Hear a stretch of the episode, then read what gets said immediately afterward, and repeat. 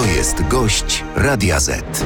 Zapraszam, dzień dobry. Paulina Henning-Kloska jest z nami, wiceprzewodnicząca Polski 2050. Trzecia droga, dzień dobry. Witam serdecznie. Widzę, że mina uśmiechnięta, to rozumiem, że umowa koalicyjna już jest dogadana, prawie gotowa. Prawie gotowa, blisko jesteśmy na pewno końca y, rozmów. Myślę, A co znaczy prawie gotowa? To i czego jeszcze brakuje? Czy przede wszystkim zatwierdzenia ze strony liderów, po to oni są od tego.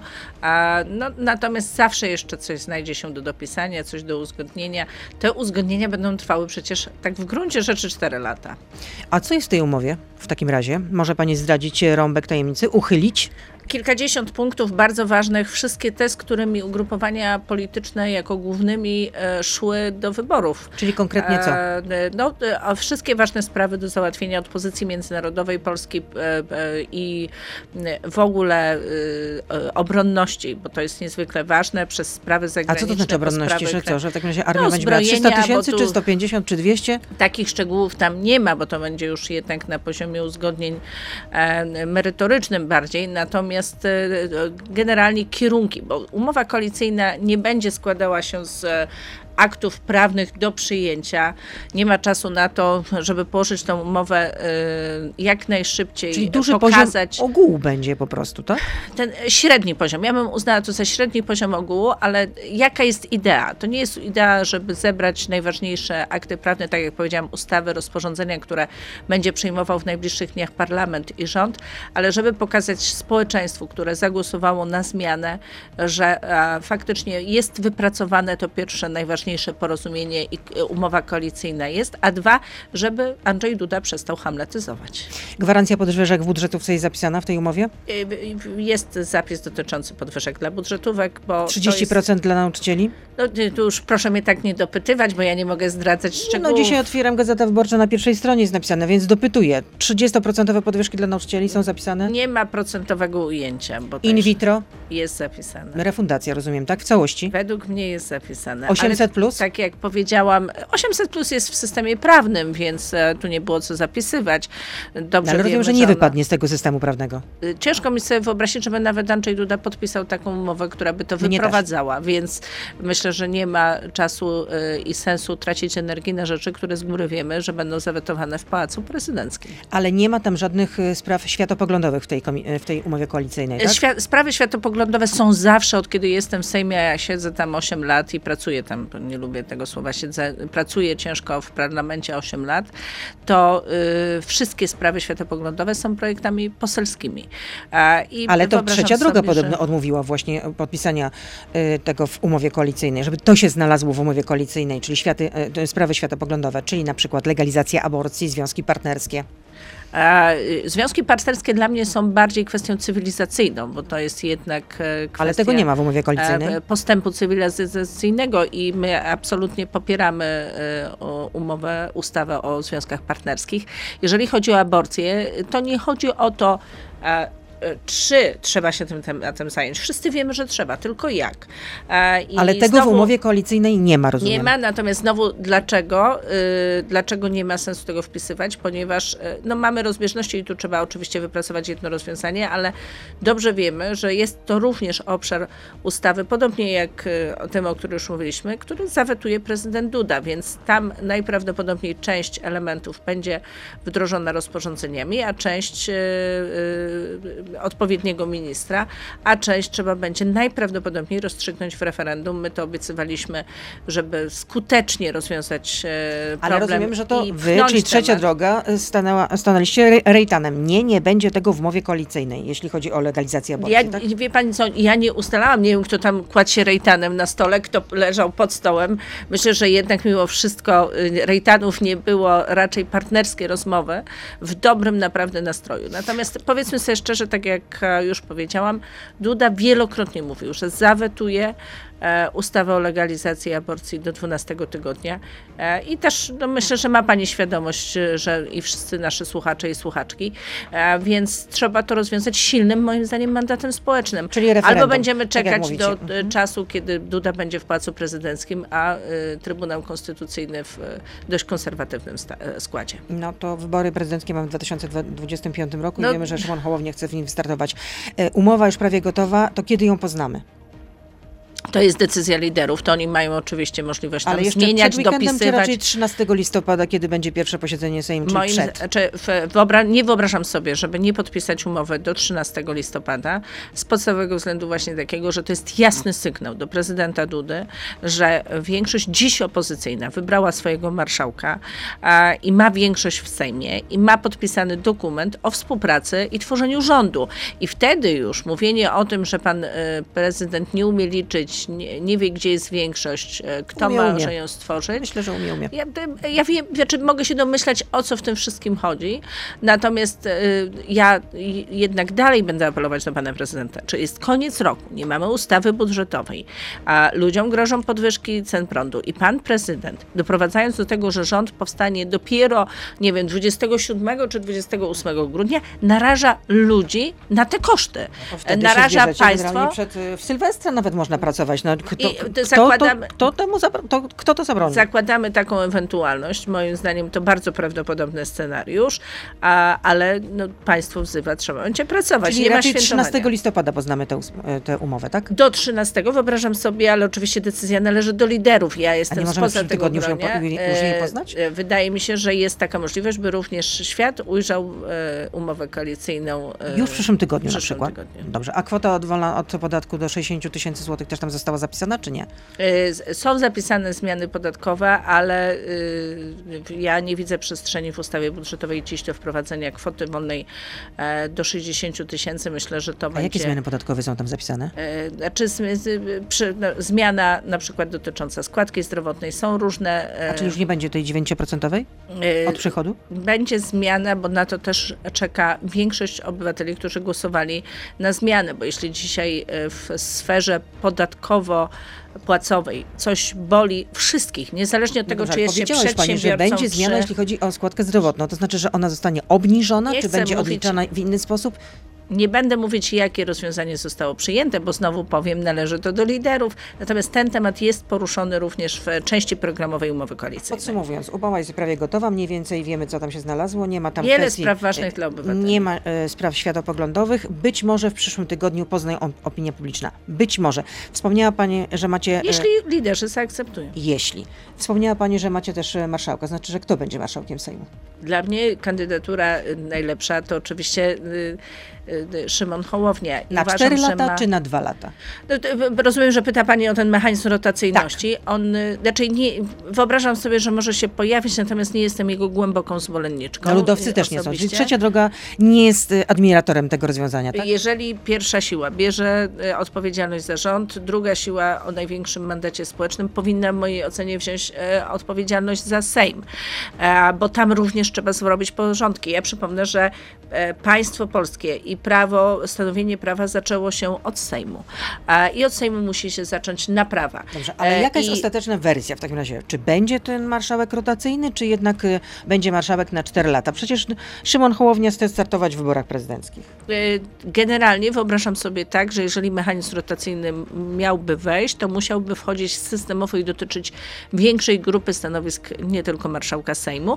Natomiast to, w Czy jaki jeszcze gdzie miała sposób. być ta, ta rotacja miałaby No, od wicepremierów i rządu, no, może wykluczmy z tego mechanizmu samego premiera, ale wicepremierów, marszałków, wicemarszałków, no to musiałby być głębszy mechanizm To rotacyjny. jest No, Pani nie teraz może być autorski tak, że- pomysł, czy to jest pomysł trzeciej drogi? E, Ja mówię, że jak ja sobie wyobrażam, jeśli w ogóle taki system rotacyjny, tak? Jeżeli wyciągamy ten system z wzorca europejskiego, to on dokładnie tak wygląda, że to jest głębsza zmiana w połowie I kadencji. kto wpadł na ten pomysł w ogóle, żeby był ten marszałek rotacyjny? E, Nie wiem, kto Był. wpadł, tak jak powiedziałam, to są e, rozmowy naszych liderów. E, Nie wiem, czy on jest aktualny również. Natomiast, tak jak powiedziałam, to w pewien sposób, znaczy w, funkcji marszałka chodzi o coś więcej niż tylko i wyłącznie o stanowisko. Generalnie, tak jak powiedziałam, ja uważam, że misja marszałka od 13 e, listopada będzie niezwykle ważną misją. A, Po pierwsze, przywrócenia pewnej godności e, polskiemu parlamentaryzmowi i żeby język parlamentarny odzyskał swoje znaczenie. I rozumiem Pani Po zdaniem, drugie, Szymon Hołownia najlepiej konsultacje. sobie poradził. Znaczy Tutaj- jest liderem, jest liderem, pani redaktor, który nie uczestniczył jednak w wszystkich sporach, które miały miejsce Ale na nie ma sali doświadczenia parlamentarnego. Tutaj stawiam A, pauzę, ale to ojejku, nie znaczy, znam marszałków, którzy mieli ogromne y, doświadczenie, ale psuli prawo jak y, idzie Pauza, poprzedniej pauza. kadencji. Paulina Henning-Kloska z nami zostaje. Jesteśmy na Facebooku, na Radio ZPL, na YouTube, więc proszę zostać z nami. Beata Lubecka, serdecznie zapraszam. To jest gość Radia Z. I przypomnę, że gościem Radia Z jest Paulina Henning-Kloska, wiceprzewodnicząca Polski 2050, kiedyś nowoczesnej. Będę to przypominać zawsze, naprawdę. Zresztą koledzy Ale- dzisiaj zapowiadali ten program, to przypomnieli też lepiej pani. Ale ja- Nowoczesnej, Koalicja Obywatelska, teraz y, trzecia droga. No. Nie mam problemu, nie odcinam się od swojej tożsamości, zresztą nawet wręcz mm, byłam orędowniczką wśród tych osób, które chciały, żeby Ryszard Petru wystartował z naszych list Polski 2053 drogi. E, Ale w końcu wystartował skąd? No wystartował z trzeciej drogi. No, czyli Mówię, pani że była, czyli pani Byłam, była tutaj... byłam y, A, czyli pani zawsze była akuszerką tej... y, Nie chcę tu tak tej- mówić, ale y, że tak decyzji, powiem, tak? optowałam za tą opcją, bo To uważam, jest wasz że kandydat na- ministra finansów? Wyobrażam sobie, że ministra finansów musi obsadzić premier według swojego uznania. Jest to jednak to stanowisko, które musi na co dzień bardzo blisko współpracować z premierem, bo kształtuje całą politykę, bo polityka państwa zaczyna się jednak od rozdziału pieniędzy. Natomiast e, e, niewątpliwie byłby dobrym ministrem. Niemniej, z czego brakuje dzisiaj w Sejmie na pewno, to ludzi, co, czego brakowało w poprzedniej kadencji, tu chyba jest e, trochę lepiej ten obszar zagospodarowany w tej kadencji, to ludzi, którzy naprawdę rzeczowo zajmowali się w przeszłości gospodarką, finansami i zawsze będę za tym, żeby tego typu ludzi e, w parlamencie było więcej. Ryszard Petru posiada bardzo dobrą wiedzę ekonomiczną i na pewno zostanie ona wykorzystana w tej kadencji. A nie obawia się Pani, jeśli właśnie już y, teraz zahaczamy o kwestie ekonomiczne, nie obawia się Pani, że niektórych y, zapowiedzi po prostu nie da się zrealizować, bo, jak twierdzicie, budżet jest w kiepskim stanie. Jeśli jest rzeczywiście. Ja mogę y, rozliczać siebie po czterech latach z obietnic trzeciej drogi. I te są wszystkie do zrealizowania. Myśmy faktycznie chyba nie szli tak bardzo daleko e, z obietnicami, e, y, biorąc pod uwagę trudną sytuację budżetową. A jeśli chodzi o obietnice obie- koalicjantów? Z tych, no, no, każdy koalicjant będzie rozliczał się ze Dobrze, swoich, ale... ale- umowa koalicyjna musi uwzględniać to, żeby był wilk syty i owca cała, żeby każdy mógł w jakimś zakresie swoje obietnice e, Wywiązać się przed wyborcami, ja Tak. rozumiem. Ale Natomiast realizacja idąc- których obietnic może być zagrożona, Pani zdaniem, na ten moment? To w pierwszej kolejności te, które by przewidywały cięcia podatków. No, była takie ugrupowanie, co obiecało, że na 200 miliardów obecnie podatków i całe szczęście, że nie mają takiej możliwości, bo takiej możliwości nie ma. Wiązałoby się to praktycznie ze zwinięciem państwa. No mówię, że od cięcia podatków, jeżeli mamy dziurę, czy my dzisiaj musimy postawić na rozwój gospodarczy, bo jeżeli mamy budżet z dziurą e, Morawieckiego, no na ten rok 192 miliardy złotych, na przyszły rok ta dziura niewiele e, jest jeszcze większa, to y, prawda jest taka, że mamy dwa wyjścia. Albo zmieniać coś, dokładać podatków, obcinać wydatki, albo postawić na rozwój państwa. No dobrze, czyli I będziecie podwyższać pozwalać- podatki w takim nie, razie. chcemy postawić na rozwój państwa. Co to znaczy? W pierwszej kolejności sprowadzając do Polski ogromne pieniądze inwestycyjne, po które rząd KPO. nie sięgnął. Tak? Y, Krajowy Plan Odbudowy, ale także fundusze spójności, które z opóźnieniem są e, w nowej e, perspektywie wdrażane. E, Wszystkie fundusze, nie wiem, dla mojego regionu, mój region czekał bardzo długo. Te środki są wstępnie dostępne Ale nadal nie odpowiedziała Pani na pytanie, Węglowej. czy widzi Pani któreś zapowiedzi, postulaty, które mogą nie być zrealizowane i albo ich realizacja jest zagrożona, jeśli chodzi o sytuację budżetową? No, y, największy problem będzie pewnie z najdalej idącymi e, postulatami, e, najdalej idącymi postulatami lewicy gospodarczymi, które skracały czas pracy i tak dalej, bo gospodarka dzisiaj jest w bardzo trudnym stanie. 35-godzinny jeżeli- tydzień pracy jest nierealny. Dla, dla mnie osobiście nie, ja go zresztą też nie, nie popierałam. Dlaczego? Dlatego, że mamy do wyboru albo wzrost pensji, czego ludzie bardzo potrzebują. W czasie kryzysu e, inflacyjnego ludzie zaczynali pracować na dwa etaty, by związać budżety domowe. Jeśli dziś mamy jakiś cel do spełnienia, to przede wszystkim sprawić, by ludzie mogli swobodnie, godnie żyć, nawet na tych niżej płatnych stanowiskach, za jedną pensję. Ale, to, ale Więc ta kwota wolna od... Ale ta, nie ale, może iść w parze z e, obcinaniem czasu pracy, bo to się wydajności gospodarce nie wypełni. Oczywiście są takie em, obszary, ale bardzo ściśle określone, w których można podnosić wydajność, skracając czas pracy, ale na większości, gdzie mamy na przykład ciągłość czasu do zachowania, nie da się tego zrobić. Czyli tak, 35-godzinny tydzień pracy nierealny. Co jeszcze?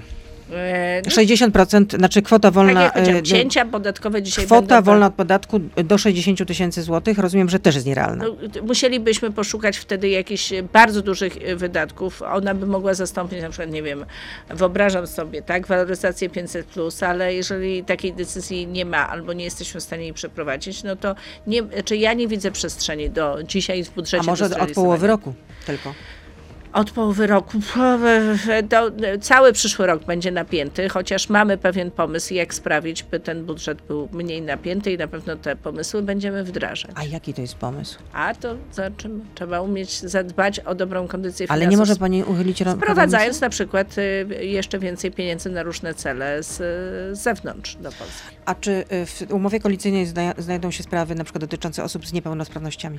Powinna i my, bodajże jest ustawa dotycząca y, kondycji i opieki nad osobami z niepełnosprawnościami. Ja Tak zwanej my, asystentury? my postulowaliśmy i wierzę i mam nadzieję, że ten zapis w umowie koalicyjnej też się znajdzie, żeby jak najszybciej wdrożyć ustawę o asystencji osobistej dla osób y, nie, z niepełnosprawnością. A co z VAT-em na żywność? Bo do końca roku obowiązuje zerowy VAT. A co potem? E, No, nad tym trzeba będzie się pochylić w pierwszej kolejności i tu już jest rozmowa z ministrem finansów przyszłym, ale y, my, my znaczy biorąc pod uwagę w jakiej sytuacji stawia nas e, Ale do końca roku są tylko dwa miesiące. Prezydent Duda stawia nas w takiej sytuacji, że być może rząd powstanie dopiero w końcówce grudnia. Wtedy będziemy mogli przyjąć tylko i wyłącznie ustawę budżetową przygotowaną przez rząd e, obecnej kadencji, jeszcze trwającej, czyli poprzedników, a, i nanieść tam naprawdę drobne poprawki. Będziemy musieli na niej pracować. No, to też e, sprawi, że nie będziemy mogli być atakowani przez naszych poprzedników, bo No ale jakie będziemy są, ale pracować jakie na są założenia, żeby ten, żeby Natomiast ten e, VAT zerowy jeżeli- podtrzymać, Jeżeli, przedłużyć? jeżeli widzę coś, co trzeba szybko naprawić, to przede wszystkim e, e, poza żywnością e, też właśnie osłony, jeżeli chodzi O cenę o, prądu? o ceny prądu dla osób zwłaszcza uboższych. Ten problem No to zamrożenie pewno, cen prądu też jest do końca roku.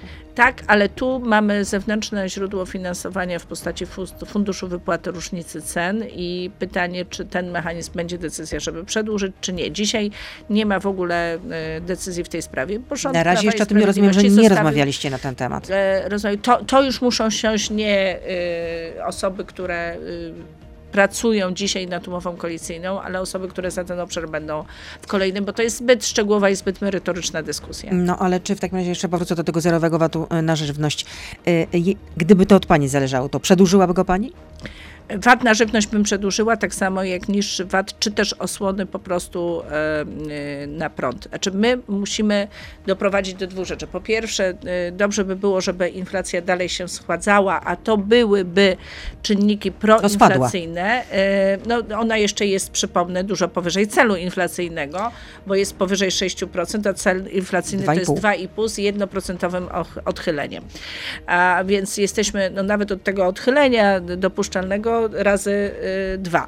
E, więc ona musi dalej spadać, żeby dać oddech, żeby pozwolić obniżyć stopy procentowe, które dadzą e, oddech i gospodarce, i naszym domowym budżetom, zwłaszcza osobom, które płacą swoje raty kredytów. Podsumowując, na razie nie możemy powiedzieć, czy, czy, E, czy będzie przedłużony zerowy VAT na żywność i czy będzie zamrożenie cen prądu. Nie, moim zdaniem trzeba do tego doprowadzić i trzeba. y, To jest jeden z pierwszych projektów, nad którym siądziemy pewnie zaraz po rozpoczęciu Sejmu. Y, Ustawy pierwsze będą gotowe na 13 listopada. Y, Pierwsze ustawy, a jakie będą te pierwsze ustawy gotowe na 13 listopada? Wyobrażam sobie takie, które odblokują krajowy plan, będą odblokowywać krajowy plan odbudowy i odpowiedzą na takie pytania, o które pani pyta, co z VAT-em na żywność, co z VAT-em na y, energię elektryczną, co z y, cenami prądu.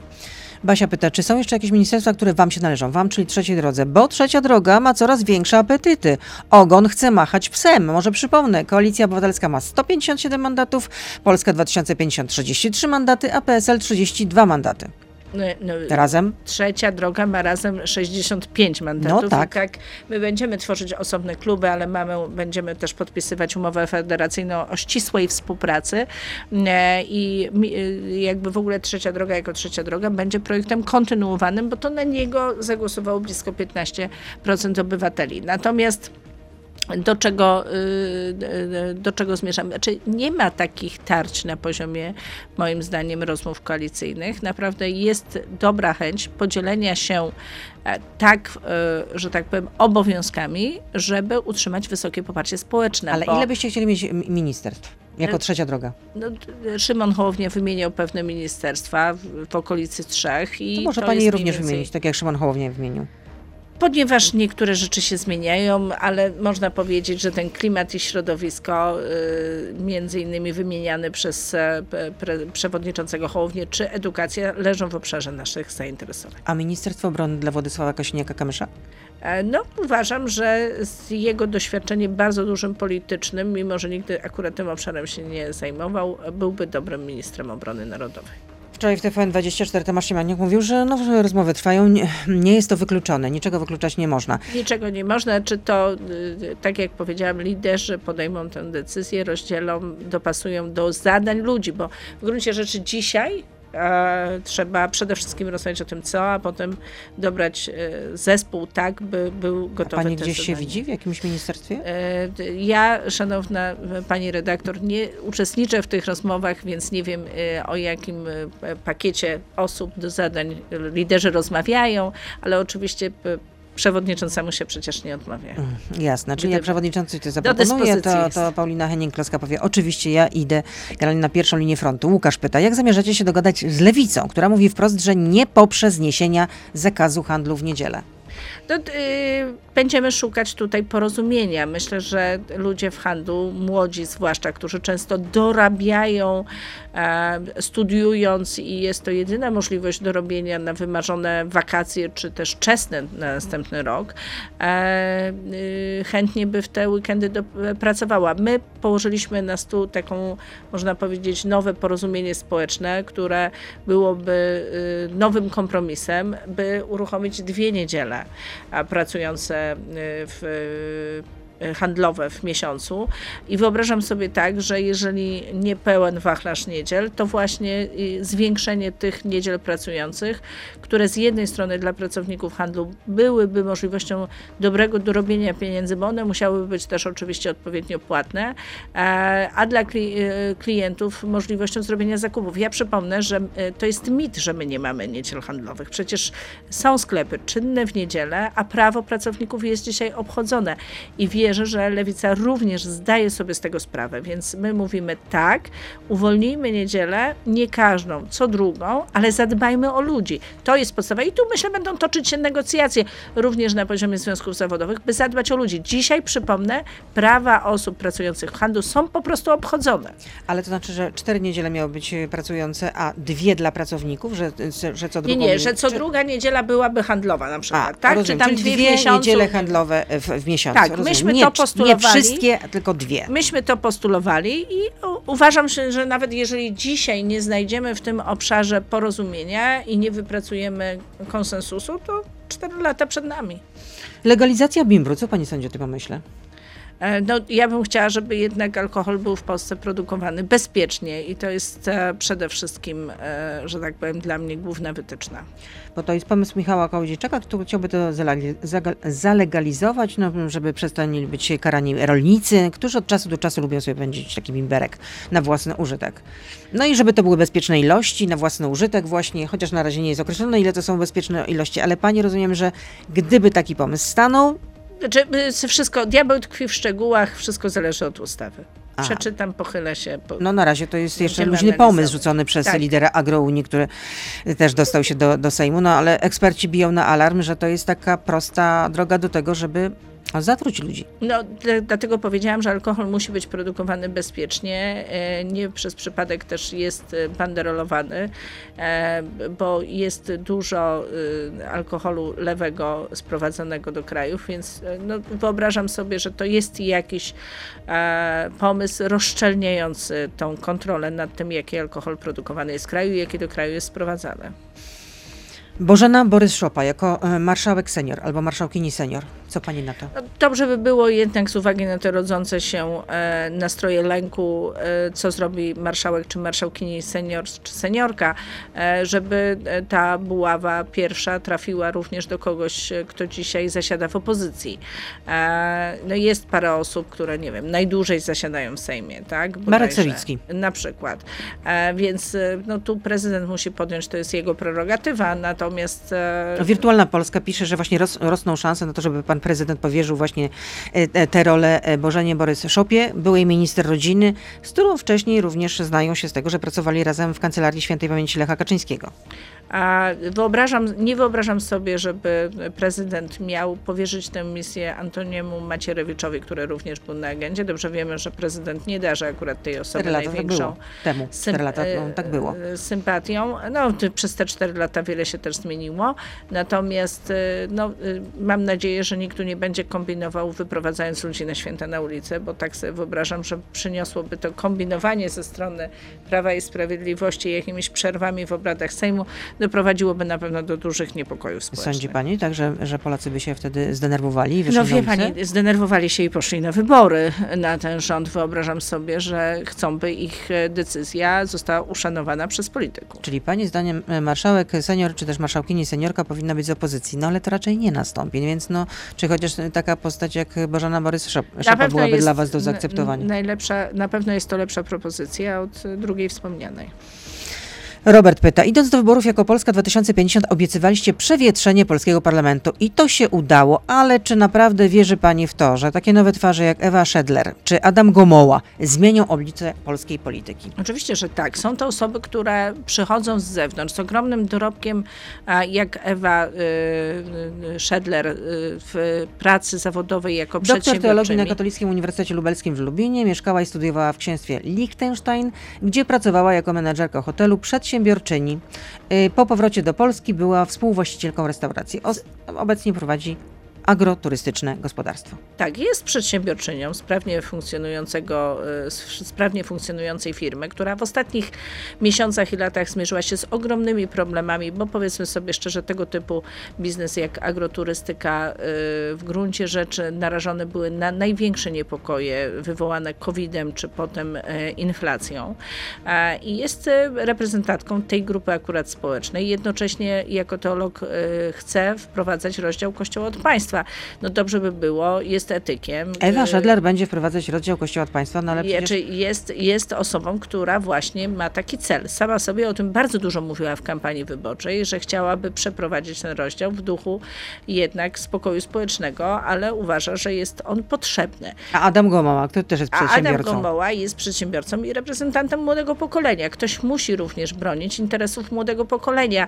Jako dwu- 24-letni parlamentarzysta na pewno będzie patrzył na prawo stanowione z punktu widzenia kolejnego pokolenia, czego też w Sejmie bardzo brakuje.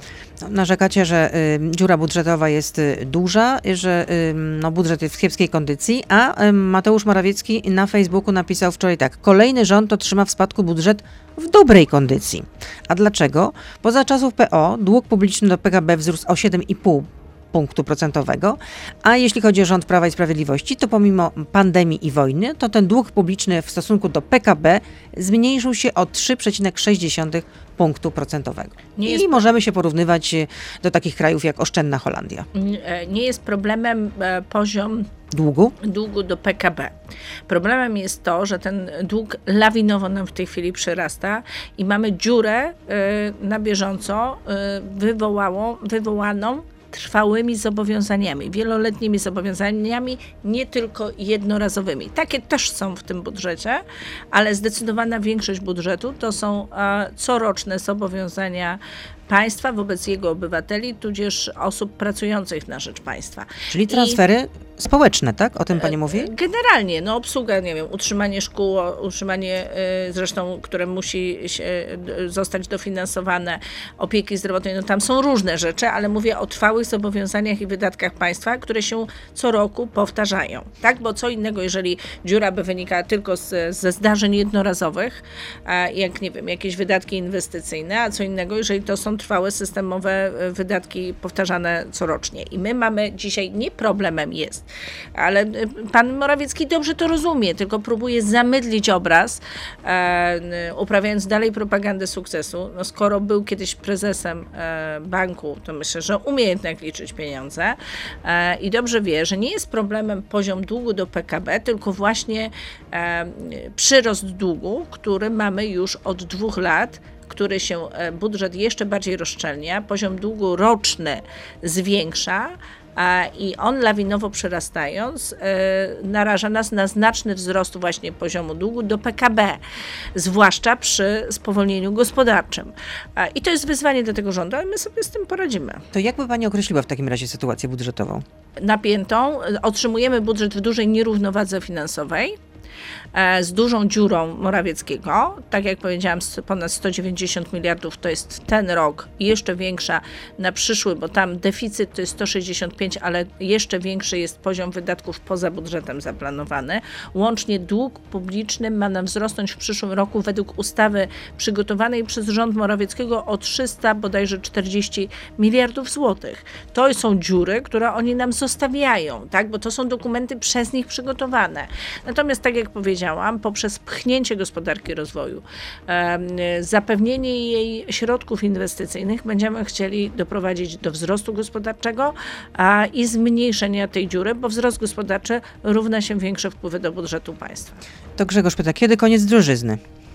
E, tak jak powiedziałam, o to trzeba zadbać, by to nastąpiło jak najszybciej. Poza, e, to jest jedno z pierwszych oczekiwań ludzi, by e, drożyzna przestała dotykać tak mocno ich portfele i by koszty życia rosły wolniej albo wcale.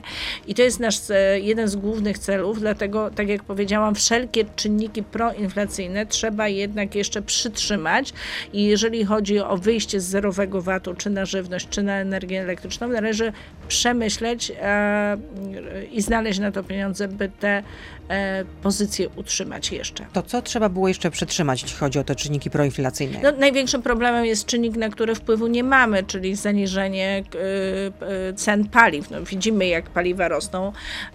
Pan prezes Orlenu mówił o tym, że nie będą rosnąć po wyborach. No niestety, panie prezesie, rosną. rosną. I Ceny. to każdy widzi, każdy na najbliższej swojej stacji tankując samochód odczuwa to na własnej kieszeni. To jest dowodem na to, że ceny przed kampanią, w trakcie kampanii przed wyborami były zaniżane sztucznie. To wpłynęło na pewno też e, na e, szybszy spadek inflacji, znaczy spowolnienie tak, e, inflacji. No dobrze, ale co I to się odbije zrobić? No, teraz od stycznia na pewno na nasze kieszenie. In plus. Mm. In mm. plus, jeżeli chodzi o wskaźnik inflacji. Co można zrobić? Przede wszystkim odbudować, utrzymać siłę złotego. Proszę zobaczyć. Ale jak, jak to zrobić? Sama zmiana władzy doprowadziła do tego, że w pierwszych godzinach po wyborach złoty był najszybciej, e, najbardziej umacniającą się walutą na świecie. Odsunięcie populistów od władzy zostało pozytywnie odebrane no, przez ale ten stan nie finansowe. będzie się przedłużał. Wystarczy, czy wie pani, e, powrót do stabilnej gospodarki, jawnych, transparentnych finansów publicznych, zrównoważonego rozwoju sprawi, że złoty będzie się dalej umacniał i to jest droga, którą będziemy na pewno kroczyć. No ale cały czas pytam jeszcze, co trzeba zrobić, żeby właśnie y, zatrzymać te y, proinflacyjne działania? No to znaczy, tak. Co, z czego trzeba będzie zrezygnować? No? Po pierwsze, to, to jeszcze raz. Y, nie robić nowych czynników proinflacyjnych, nie dokładać obciążeń gospodarce, tylko ją lekko e, odchudzić. No, ale czego konkretnie nie robić? Bo pani mówi, że nie żeby... dokładać podatków. No, jak powiedziałam, na razie powinniśmy rozpatrzeć, czy przedłużyć e, te niższe stawki VAT na żywność i energię elektryczną, a na pewno już nie dokładać obciążeń podatkowych, bo nikt tego nie wytrzyma w gospodarce. Dzisiaj, jeżeli spojrzymy na dane z gospodarki, które płyną, to ogromnym problemem są nieregulowane terminowo narastające przeterminowane zobowiązania, bo e, firmy mają dzisiaj, e, e, jeżeli na coś wskazywały w ostatnich miesiącach, że jest dla nich problemem, to obciążenia podatkowe i fiskalne. Natomiast to, co powinniśmy zrobić, to jednak pobudzić gospodarkę, bo też spowolnienie gospodarcze bezpośrednio wpływa na nastroje w przedsiębiorstwach. A co z wakacjami kredytowymi w 2024 w roku? Ocenie, w mojej ocenie warto rozpatrzeć ustawę przedłużającą, E, wakacje kredytowe, choć pewnie w takim już e, bardziej okrojonym zakresie dla osób, które mają niższe dochody, problem z obsługą bieżącą długu, tudzież bardzo wąskie gardło cenowe, jeżeli chodzi o spinanie domowych Czyli budżetów. nie dla wszystkich na pewno, którzy spłacają kredyt. Nawet ta ustawa przygotowana przez obecny rząd nie przewiduje wakacji kredytowych dla wszystkich, tylko moim zdaniem dobrane tam parametry są złe.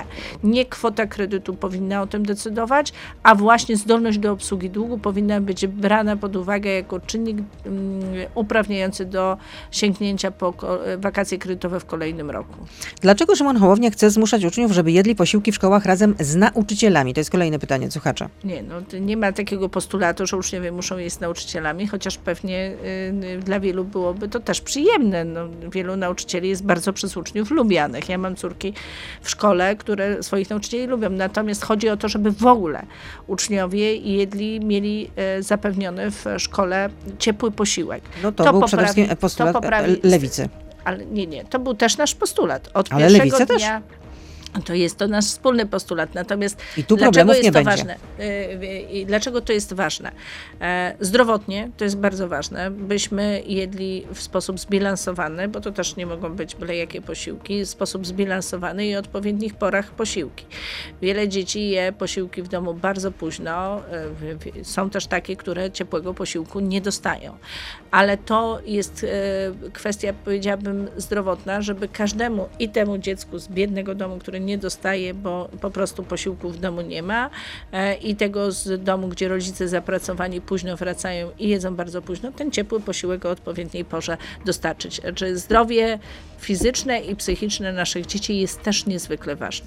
I jeszcze jedno pytanie. Czy polski rząd powinien rozpocząć konsultacje z Aleksandrem Łukaszenką w celu osiągnięcia porozumienia i zmniejszenia naporu nielegalnych migrantów na polską granicę? Rozwiążemy ten problem nie y, negocjując y, z Łukaszenką. Są osoby, z którymi nie siada się do rozmów. Ale w jaki I sposób Łukaszenka, chcecie rozwiązać ten problem? Wie pani co, no, y, są różne pomysły. Na pewno potrzebujemy nowej migracyjnej polityki. A tu uważam, że między innymi poprzez taką dobrą obsługę tego ruchu migracyjnego i uszczelnianie granic. Monika pyta, geostrateg Marek Budzi przestrzega, że wkrótce Rosja wzmocni się na tyle, że może zechcieć zaatakować Polskę, a tu nowy rząd zapowiada cięcie armii, rewiz rewizję zakupów broni i y, traktatowe oddanie Brukseli spraw polskiej obronności. Nie wiem, gdzie ta pani to przeczytała, czy pan, bo nie wiem, kto to... Nie, pani, pani. pani. Nie wiem, to proszę o dokument, na podstawie którego ta pani tak uważa, bo ja nie znam takich planów rządu. Znaczy, je, y, wzmocnienie y, polskiej armii, a, ale też poważne podejście do obronności, wzmocnienie naszych sojuszy jest jednym z priorytetów nowego rządu. A armia ile powinna liczyć? No to już zostawiam fachowcom. Ja akurat nigdy armią się nie zajmowałam i nie będę wskazywać liczby. To pytanie, czy mamy węższą armię, a jednak bardziej sprofesjonalizowaną, czy szerszą armię e, mniej, że tak powiem, rzadziej szkoloną, to jest już kwestia osób, które będą zajmowały się, e, de, będą podejmowały decyzje w Ministerstwie Obrony Narodowej. Na pewno jedno jest pewne, będziemy się zbroić, będziemy się przygotowywać. Uważam, że również Unia Europejska powinna za to wziąć odpowiedzialność, by współfinansować dozbrojanie krajów przyfrontowych. Warto o tym na poziomie Unii Europejskiej moim zdaniem też rozmawiać. Jak generalnie jestem... Czyli kraje Unii Europejskiej powinny nas dozbroić. E, no my je... jesteśmy krajem frontowym. Znaczy, jeżeli wspólnie pomagamy Ukrainie bronić się Ukrainie, to również wspólnie powinniśmy dbać o swoje bezpieczeństwo. Ja akurat jestem zwolenniczką, to jest moje przekonanie, do tego, że w tym obszarze Unia Europejska powinna ze sobą współpracować, również przeznaczając część swoich pieniędzy z budżetu na zbrojenia. Dziękuję bardzo. Dziękuję Paulina Henik-Kloska była z nami, wiceprzewodnicząca Polski 2050. Może w rządzie będzie, no zobaczymy jak będzie. No ale jak Szymon Hołownia zostawmy, powie, że tak, to tak. Zostawmy tak. te personalne yy, No ale, ale no, nie bądźmy naiwni, no przecież rozmawiacie również o personaliach no, i o podziale yy, ministerstw, tak zwanych stołków. Liderzy o tym to prawda rozmawiają. No właśnie, więc nie bądźmy naiwne. Dziękuję, dobrego dnia życzę. Dziękuję. To był gość Radia Z. Słuchaj nas w Radio Z i na player radioz.pl.